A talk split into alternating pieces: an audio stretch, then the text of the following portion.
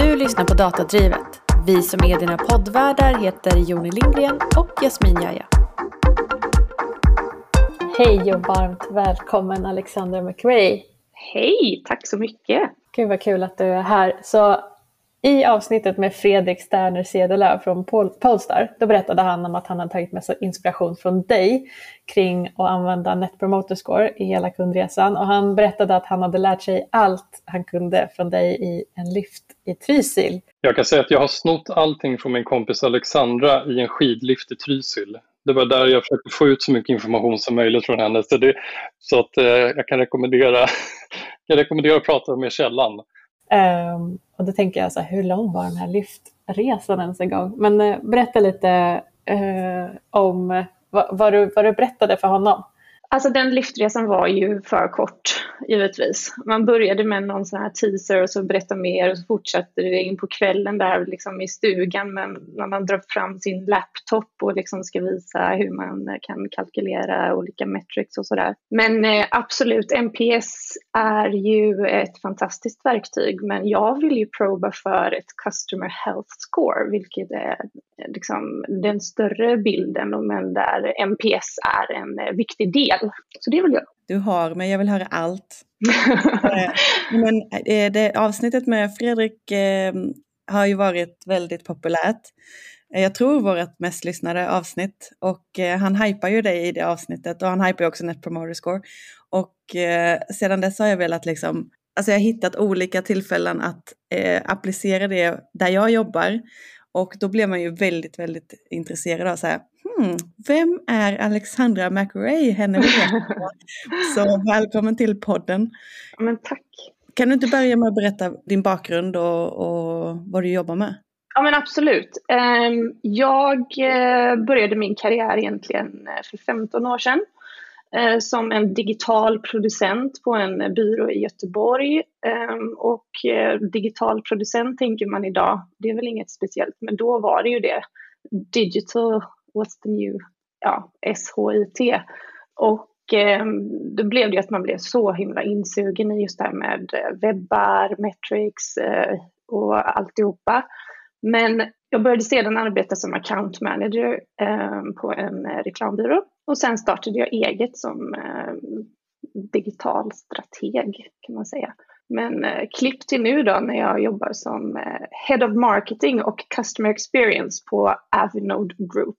Vad gör Avinode Group? Det är ju million dollar question, för det är inte många i varken Göteborg eller Sverige som har hört om Avinode Group. Och det har en väldigt självklar förklaring och det är ju för att det här är ett bolag som riktar sig mot eh, business aviation-industrin, alltså motsatsen till commercial aviation. Och nu känner jag att jag redan skäms över att jag säger så många engelska ord här, men det är bara så det får eh, vara. Alltså eh. kör, för så, så är det. Och är det någonting som jag känner så här, men det här kommer nog, vi nog behöva förklara, då ja. kommer jag ställa alla publikens dumma frågor. Ja, men grymt. Kör på. Men vad betyder det? Det betyder att alltså, Avenod Group är egentligen en Eh, en samling av olika produkter just då för den här industrin. Avinode startades i Göteborg för över 20 år sedan och är en marknadsplats alltså för där man kan chartra privatjets. Men det är riktat, det är alltså business to business. Så det är företag som, har, som agerar som en operatör, som har liksom en flotta med, med eh, flygplan som de kan då lista i Avinode där då en eh, en, eh, en broker som det kallas kan gå in och söka efter liksom, en passande flyg till sin kund. Okej, okay, så vem är kunden egentligen? Är det, är det den här uh, brokern eller är det företaget som... Det är ju, båda är företag så vi har ju tvådelat där. Vi har ju kunder både som brokern och operatören som använder oss som liksom en marknadsplats att ja, marknadsföra sig själva och sin eh, tillgänglighet helt enkelt. Det låter nästan som en tredelad eh, marknadsplats. Eller ja, nu jag förstå riktigt. Men vi har ett företag som vill ha ett privatjet någonstans. Mm. Och sen så har du ett företag som äger massa flygplan. Yes. Det företaget som vill åka någonstans går till eh, någon som kan fixa eh, det flyget någonstans. Så okay. då tänker man att det kanske är antingen är det eh, bolag som har en stor kundbas eh, av liksom end customer som man säger så. Eller så har man någon, eh, tänker några politiker som behöver flyga liksom lite separat så att säga. Använder sig de någon typ av agency? Ja, precis, exakt. Ja, då tänker jag direkt så här, vad händer om eh, ni skulle vilja bara eh, skära av den agencyn? Skulle ni kunna disrupta hela den här eh, ja, då, eller? Det skulle vi ju kunna göra, men vi vill ju inte det. Nej, okay. Värdet ligger ju att vi är den här liksom backend-motorn så att säga som enablar då alla de här bolagen i den här industrin. Ja, men jättespännande.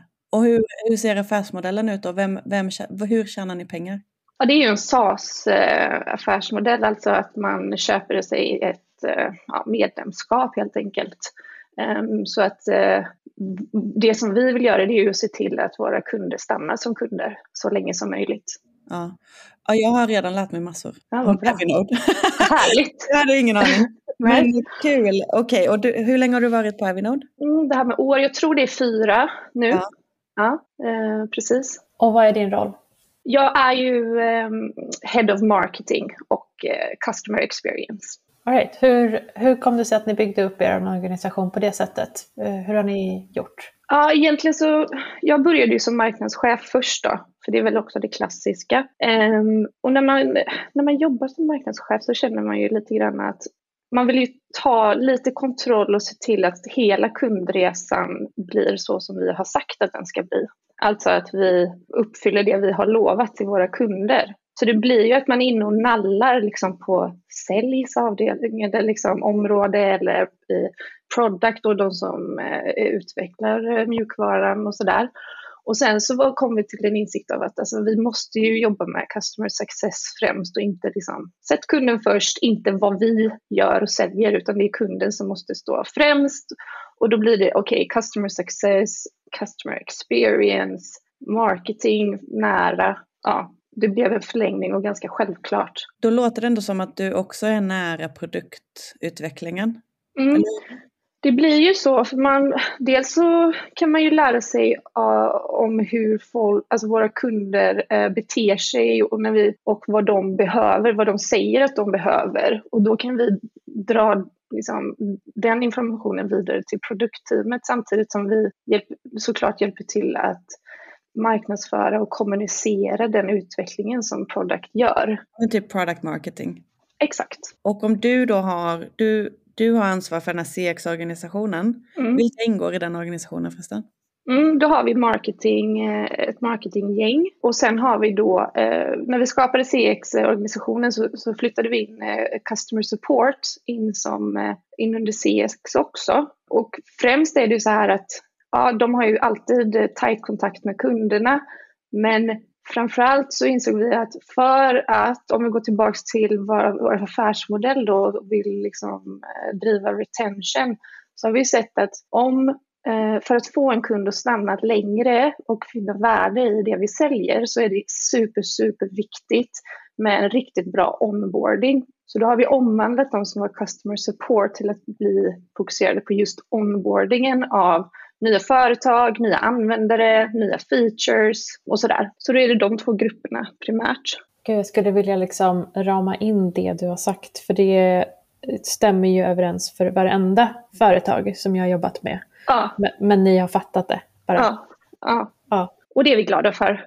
Ja, men det handlar liksom inte om de här snabba säljen, att, att bara mätas på antalet sälj, utan det är ju kvaliteten av säljet också. Precis, och jag menar, alla vet ju, jag vet inte, kommer inte ihåg procentsatsen, men man vet ju att det är dyrare att skaffa en ny kund än att behålla en befintlig ju. Och då är det ju viktigt att man hela tiden driver arbetet med att um, skapa nytt värde eller visa värdet för kunden som eh, vi tycker att de bör ha. Mm. Och så snabbt som möjligt också då antar jag? Jättesnabbt. Ja, jättesnabbt. Vi pratade senast idag om att liksom, retention, när man liksom, ritar upp en klassisk kundresa så brukar det vara liksom, sälj, kanske onboarding och sen så kör man retention efter. Mm. Um, så märkligt egentligen, för retention startar ju så fort de har uh, signat upp och kanske till och med tidigare. Hur men, utveckla det där. Alltså att retention är ju en del av onboardingen. Okay. Och, och att säljupplevelsen eller införsäljningsprocessen ska kännas eh, bra också. Det är också en del av retention. Man kan inte tänka att retention kommer sen, efter liksom adoption av produkten eller sådär. Mm. Um, utan man får ha det som liksom en, en underliggande ström hela tiden. Men påverkar det också hur, ni, hur du tänker att ni, när börjar ni mäta? Alltså när är dag noll då i er retention-kurva? Är det från att man har signat upp sig? Japp. Men att du vill, du, du vill liksom att säljteamet och marknadsteamet också ska ha väldigt noga koll på det med metriken? Exakt så. Och det är en insikt som vi kanske har kommit till ganska nyligen, för vi har alltid tänkt att uh, retention dag noll startar efter liksom, slutet av onboardingen, dag 30. Ja.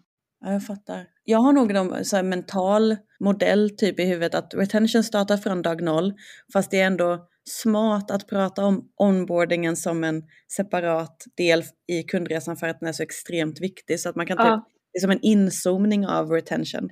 Absolut. Ja men intressant. Hur, hur, med, hur jobbar ni med att mäta det då? Är det här det kommer in den här metricen? Vad kallade du den i början? Eh, ja, uh, Customer Health Score. Ja. Berätta om den, var hittar du den? Hur, eller har du liksom hittat på den här själva? Vad är det? Berätta Nej, jag ska, jag liksom, man får ju liksom steal with pride men eh, omvandla så det passar en, en, det bolaget som man eh, arbetar på. Um, jag kom över det när jag var på en konferens som var eh, arrangerad av Gamesite. Har ni hört om det bolaget? Mm, ja, ja. Ja, um, någon sån super konferens i London och så sitter man på en sån här liksom, en sån minisession och så står det en man och förklarar Customer Health Score och hur jäkla bra det var. Så jag, jag var så sjukt ivrig och sprang tillbaka och bara liksom tryckte upp det nästan i allas ansikten.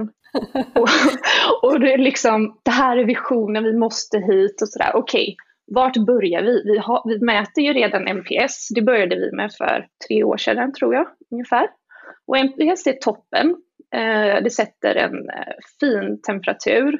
Jag vet att Fredrik pratade om att de mäter NPS på flera ställen i kundresan, men vi väljer att eh, sparsmaka oss lite grann med NPS och ställa det max här, två gånger per år.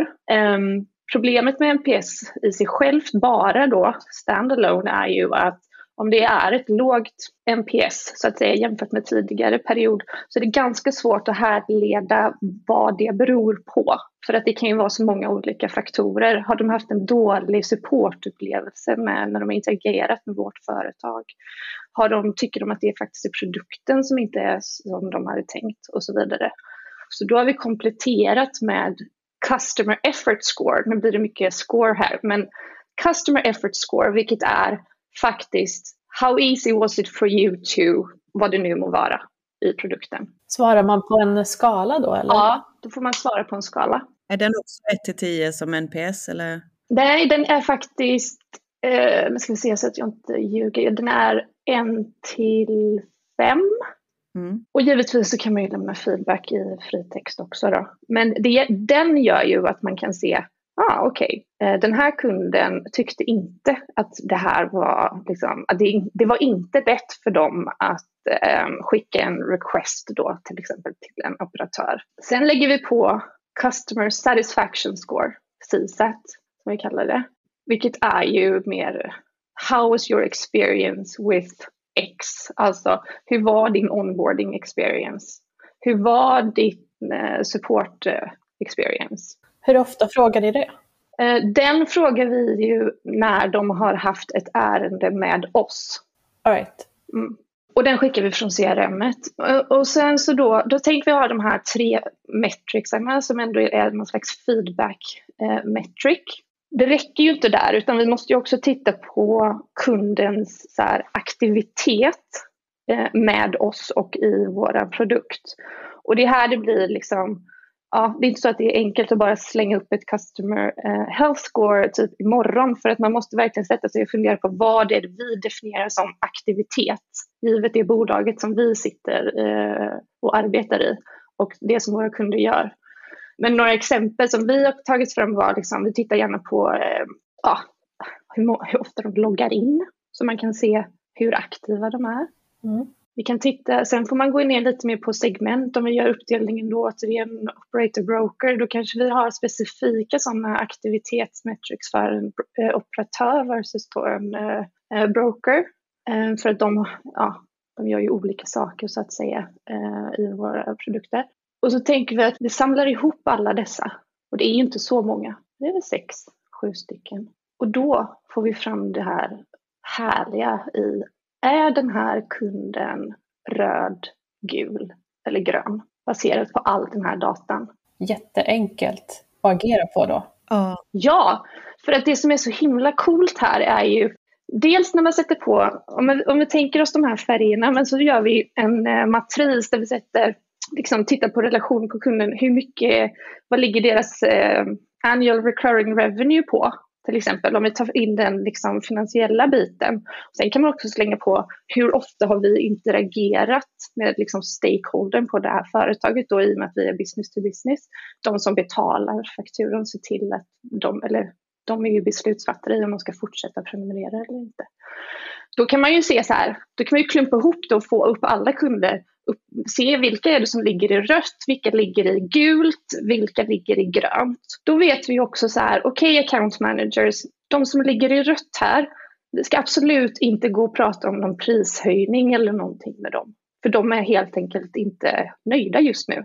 Då kan man så här, aktivt arbeta med att ta reda på var är det skon klämmer, vad är det vi behöver göra för att vända eh, deras uppfattning eller faktiskt beteenden. De loggar inte in så mycket eller ja, vad det nu må vara som man får ut av det här eh, Customer Health Score.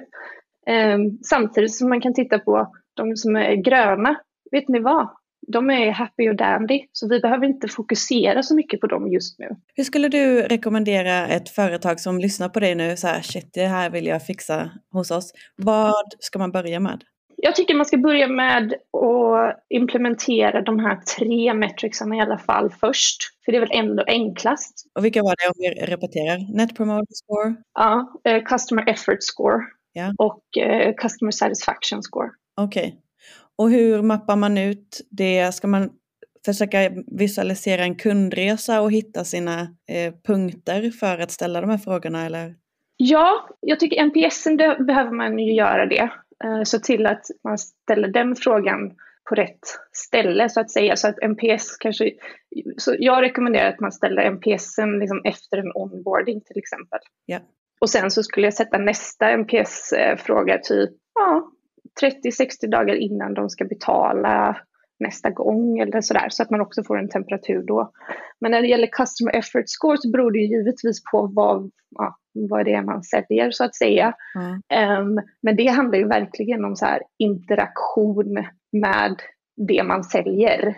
Så att, men du, när du sa så här 30-60 dagar innan de betalar nästa gång, är det utifrån att man betalar per år för en prenumeration? Ja, ja exakt. Det. Så det är också så här, det får man ju se, vad, hur, om man har mer frekvent, jag vet ju många som har per månad till exempel, ja.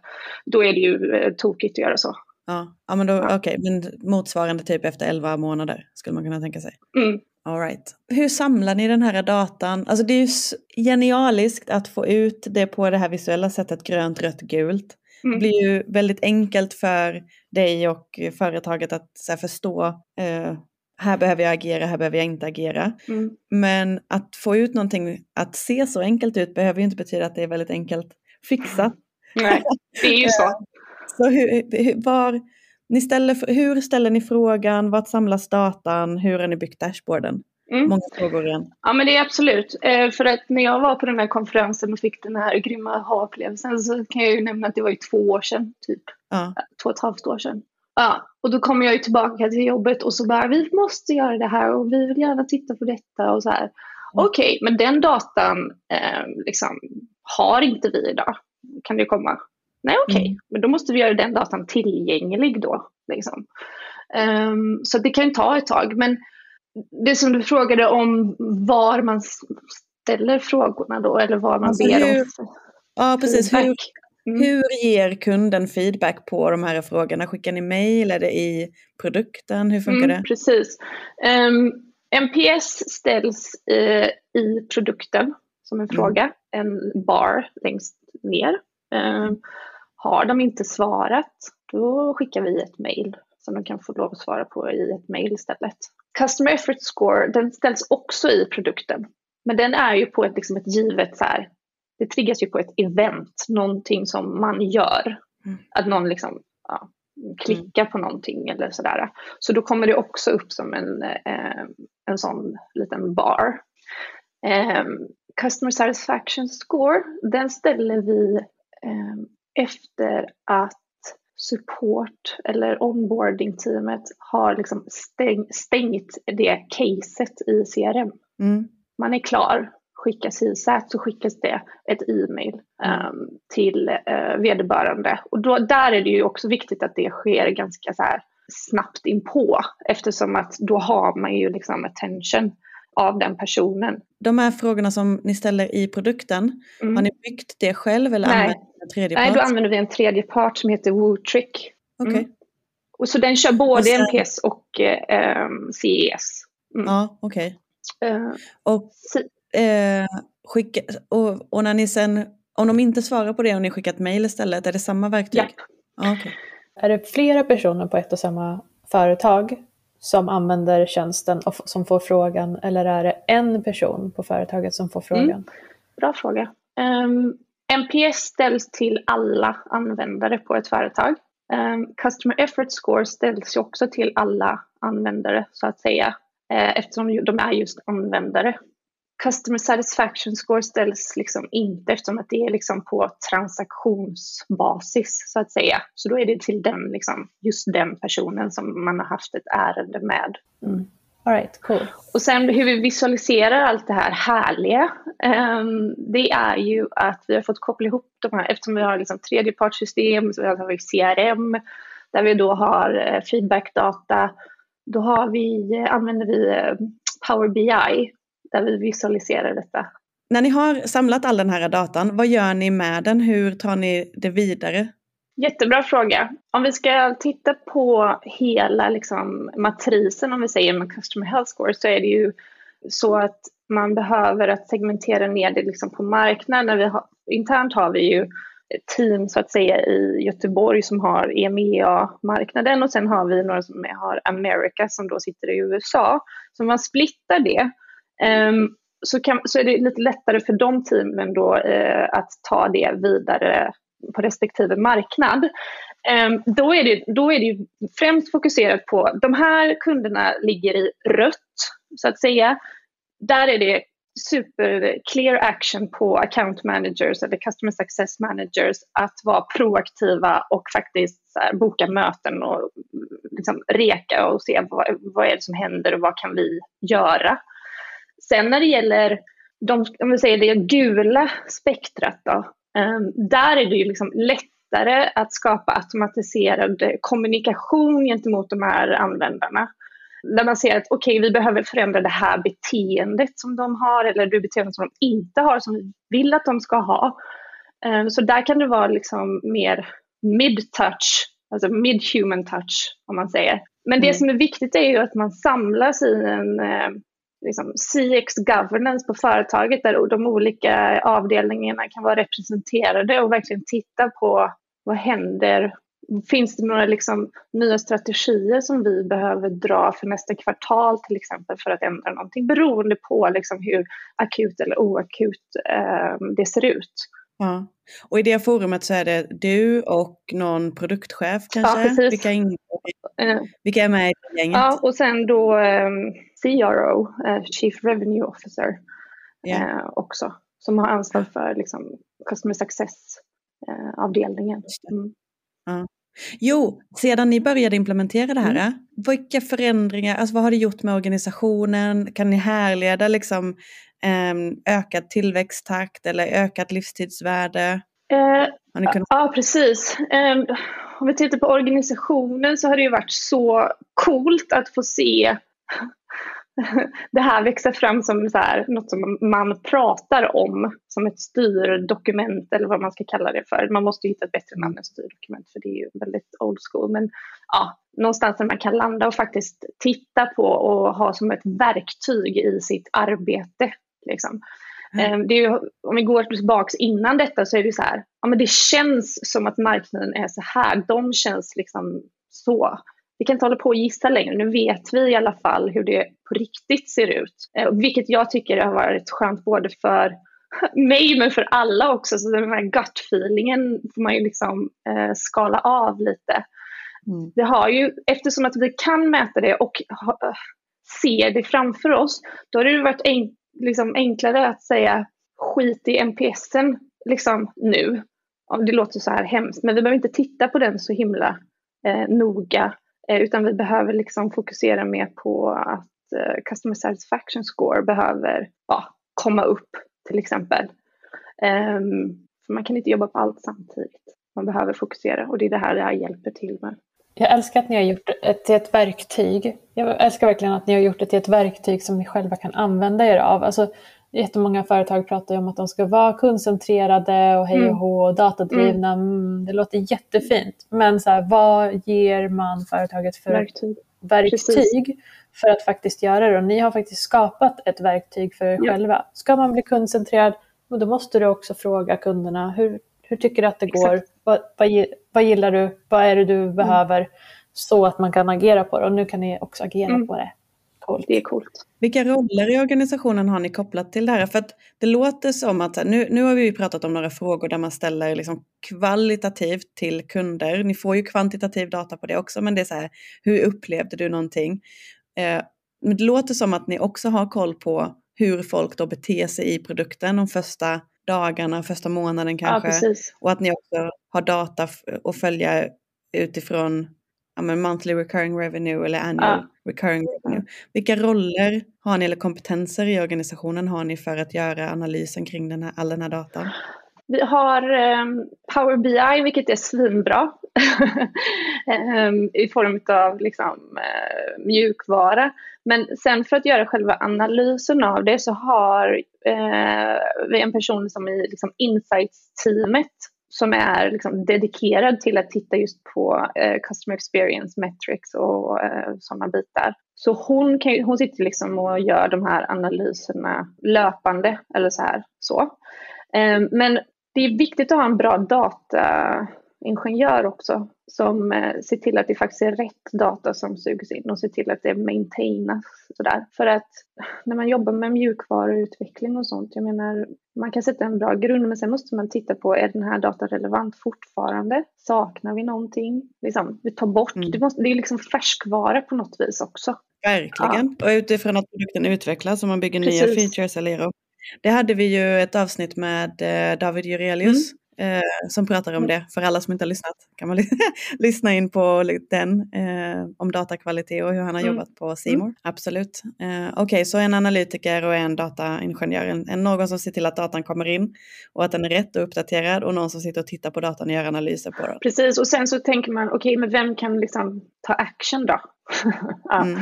Eh, och då är jag så otroligt glad och tacksam över att eh, vi anställt en CX manager Eh, till teamet. Han startade ju i februari vill jag säga, så han är fortfarande ganska ny, men han liksom har ju det som fokuserat jobb, att vara den här bryggan mellan analysen och insightsen till att liksom se till att arbetet kan liksom drivas på i respektive team där det behövs så att säga. Och liksom vara en sån som kan, kan liksom, vi behöver en ny process för, ja men då kan han ju liksom eh, ta tag i det det här är ingenting som man gör vid sidan av sitt vanliga arbete egentligen. Utan ska man aktivt jobba med det så behöver man den tiden och det fokuset. Och sen så blir det så otroligt bra output till resten av organisationen som då kan ha det som, så, som sitt verktyg som vi talade om tidigare. Precis. Here, mm. here. Halleluja. Mm. Pre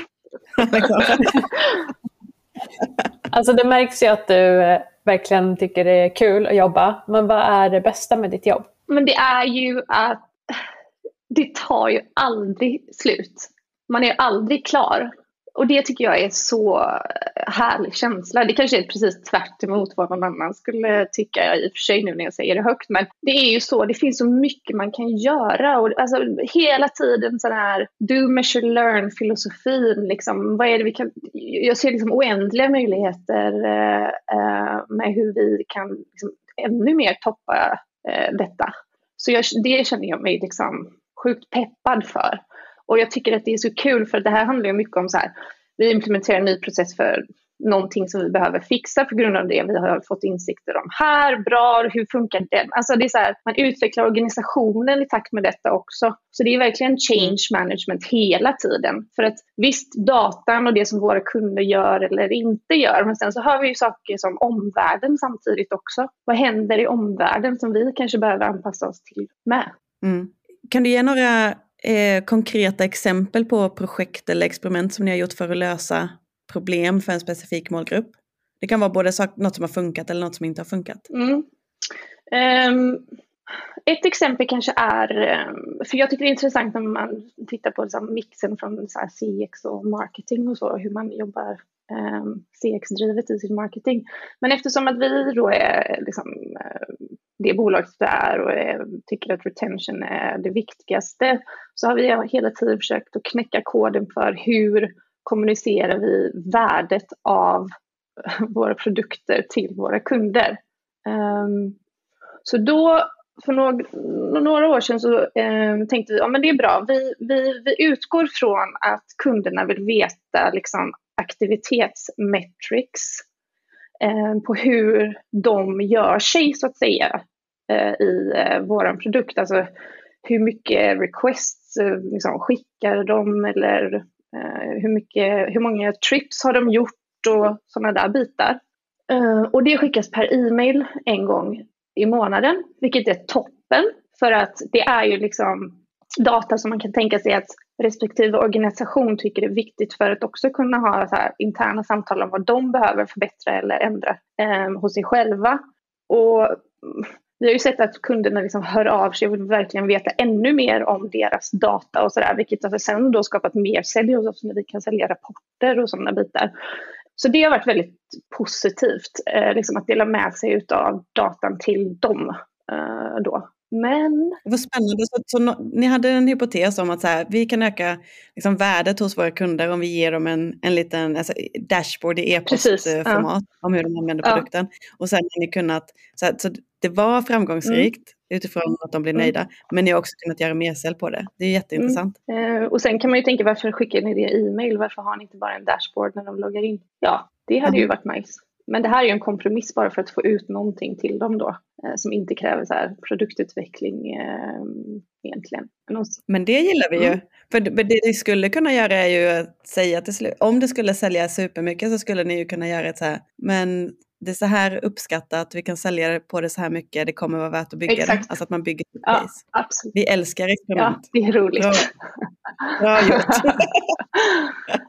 um, men eh, om ja, vi pratar om det som kanske inte gick så bra så är det ju samma eh, exempel.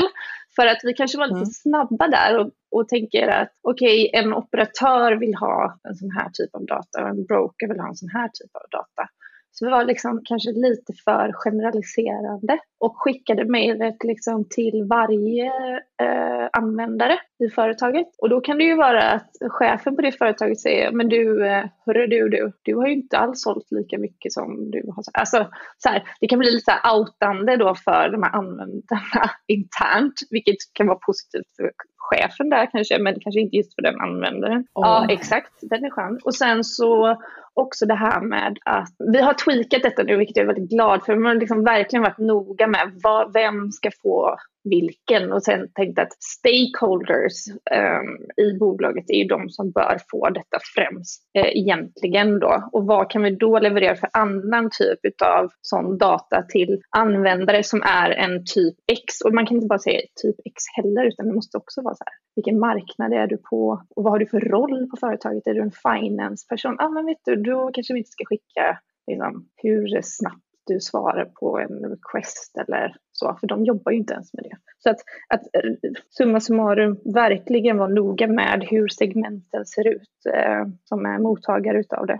Ja, jag brukar alltid säga att så här, shit, när, man, eh, när man börjar visualisera data, då kan ju vissa reagera med att bli extremt ja. rädda typ oj shit nu kommer de på mig eller åh oh, nej nu visar datan hur mycket jag suger fast det egentligen inte visar det. Men, nej jag vet. Eh, folk kan ju tro det. Och det är faktiskt ja. så här, det, det, är lite, jag tycker det är svårt där för det, när man visar data det är inte så att det är kritik, alltså man ska inte ta det personligt eller liksom eh, så men det kan ju bli så ibland. Um, ja. ja. ja, sitter man med den rösten i huvudet om att så här shit snart kommer de på ja. mig och den där datan visar på att eh, ja, men rött eller det gått ner eller ja, det var inte lika många som något annat visade eller vad de hade som mål. Då kommer de så här, shit nu, nu idag får ja, jag sparka. precis, och det är ju inte alls eh, bra. Nej, men det är ju ett jätte, alltså jag känner också igen det här eh, från att vi har kommit in i en organisation och så skapar vi en dashboard och så blir det en helt oväntad reaktion eh, nästan eh, konflikt. Mm. Eh, kan vara mellan team eller individer. Eh, och för, för en manager eller liksom en, en marketingchef eller en produktchef som inte har jobbat så mycket med data men som vill göra det så är ju ett väldigt bra tips är tänk på att det kan uppstå sådana här situationer när alla börjar titta på samma, samma data. Och man kan ju undvika eh, konflikter och sådana känslor genom att vara medveten om det och kanske till och med planera för workshops där man pratar om så här, vad betyder den här datan när vi tittar på den? Hur ska vi agera på den? Ja, och skapa den här, just som du sa, vi. Så att det inte är att man mm. single out ett specifikt team eller um, ja, så. För att det som är viktigt med, med det är ju att man måste äga det tillsammans. Jag minns, när, nu en liten avstickare, men jag minns när vi lanserade MPS liksom, för några år sedan. Då, då var det sån här, vem äger MPS?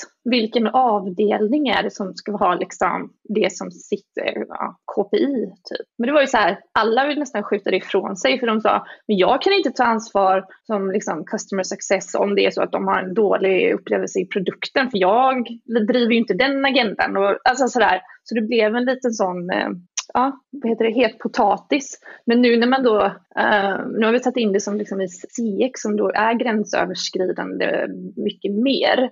Då kan man alla känna ändå så här, ja, vi äger det faktiskt tillsammans men att det ändå är liksom några som typ lyfter det ändå. Precis, att ni organiserade om er ut efter kundresan ja. och kan sam samlas så kan ni också äga mm. ett, en metric mm. tillsammans. Mm. Ni liksom eh, anpassar er till era kunders eh, upplevelse.